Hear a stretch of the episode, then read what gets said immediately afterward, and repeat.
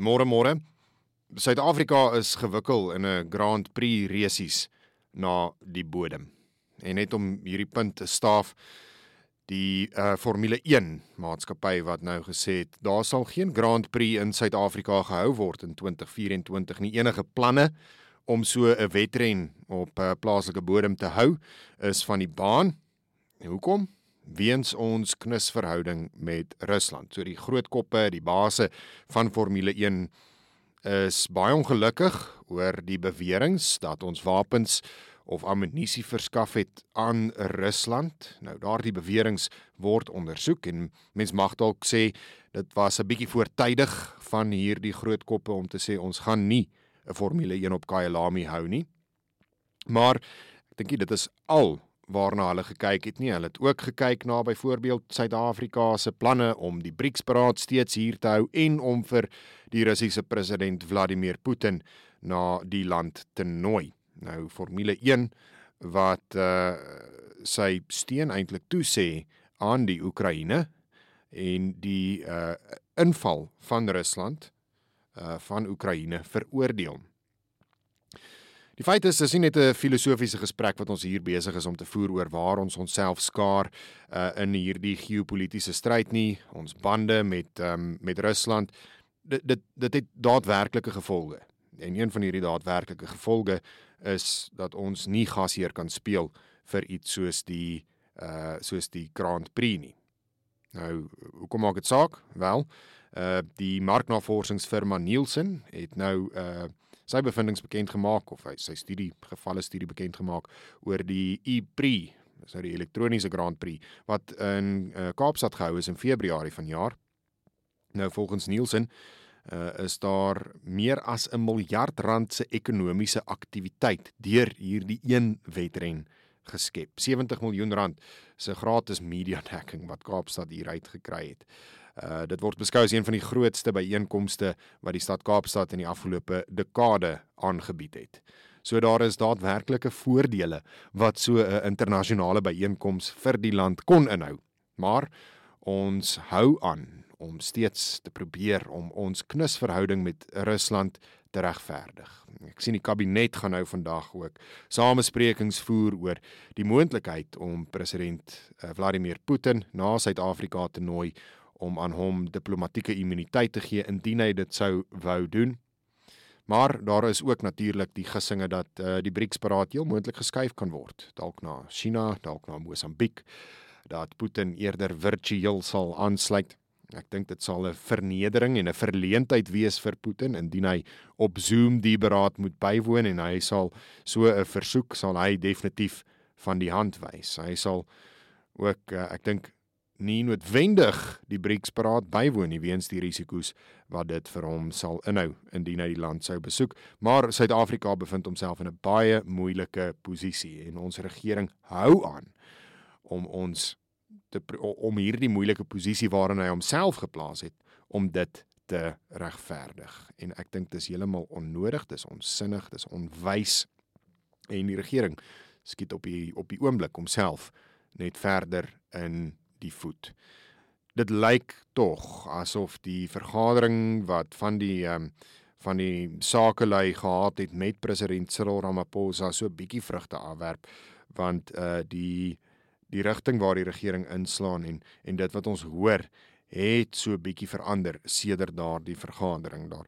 Daar is nou nie meer um, hierdie houding dat ons ehm um, geen om wat nie dat ons hierdie BRICS-beraad in Suid-Afrika gaan hou nie en daar is hier die geleide wat gemaak word dat dit moontlik geskuif kan word om Putin nou te akkommodeer.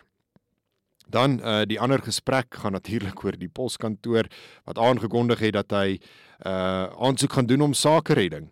Dis dis snaaks hoe hierdie dinge gebeur. So die SAL was die eerste staatsentiteit wat jare gelede onder sakeredding geplaas is weens druk van die vakbond solidariteit. So solidariteit het gesê ons gaan uh as 'n belanghebbende party party wat uh, verte verteenwoordiging geniet of 'n vakbond wat verteenwoordiging geniet by die Suid-Afrikaanse lugdiens, gaan ons die hof nader om SAL te dwing om onder sake redding geplaas te word weens die manier waarop die staatsentiteit bestuur is.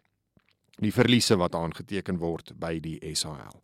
Nou met die poskantoor hoef daar nie eers meer druk geplaas te word op hierdie staatsentiteit om dalk sake redding te oorweeg nie en hy doen dit gewillig, vrywillig uh die staat wat sê goed, ons doen aansoek om sake redding vir een van ons eie maatskappye.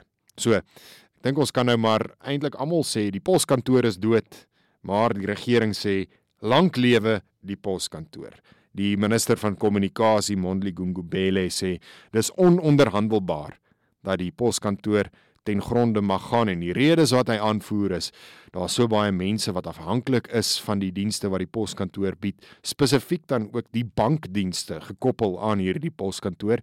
En daarmee verwys hy na die maatskaplike toelaas wat aan afhanklikes uitbetaal word hierdie SASSA toelaas wat uitbetaal word aan mense.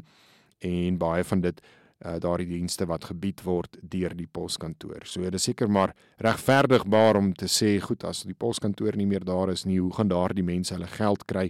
Daarom moet die poskantoor steeds uh, bestaan. Maar ons sit tog met hierdie hierdie paradoks dat hoe langer Mondli Gungubele en sy regering in beheer is, hoe groter is die kans dat die poskantoor juis nie meer gaan bestaan nie. Dis weens hulle besluite en hulle beleid jare se wanbestuur, swak aanstellings op bestuursvlak, geen toekomsbeplanning by die poskantoor nie. Dat daar nou hierdie situasie is waar die poskantoor eintlik irrelevant geword het vir die deursnit Suid-Afrikaner. Ek dink ek dink nie iemand gebruik nog vrywillig van die dienste van die poskantoor nie. As ek 'n brief moet moet skryf of moet stuur, nommer 1 ek doen ek stuur 'n e-pos eerder as 'n brief. Uh dis argaïs om briewe te stuur. Dis eintlik maar net iets wat deesdae romanties is, maar dit het geen uh 'n uh, praktiese waarde eintlik meer nie. Stuur eerder 'n e-pos.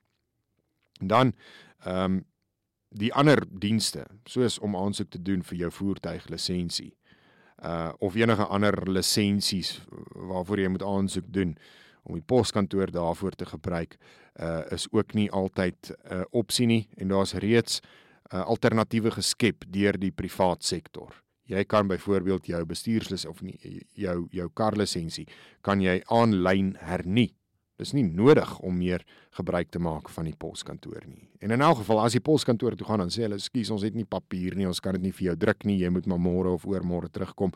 Dan moet jy weer ure in 'n ry staan net om 'n nuwe verskoning te hoor dat hulle uh, hulle is aflyn of die betaalstelsel werk nie en jy moet kontant gaan trek. Uh dis net 'n groot frustrasie om te werk met die poskantoor. So om dit onder sake redding te plaas is dalk 'n poging om die poskantoor te red maar die vraag bly steeds: het ons hierdie poskantoor nodig of het die ANC dit tot in onbruik bestuur? Ek dink die tweede geval is dalk waar.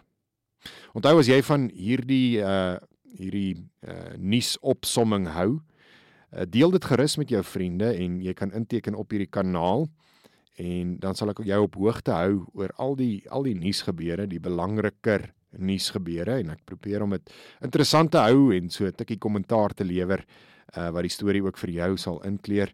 Uh deel dit gerus ook op jou sosiale media blaaie indien jy dit interessant en relevant vind. Baie dankie dat jy inskakel en onthou soos altyd, soos ek altyd groet, sê ek groete by die huis.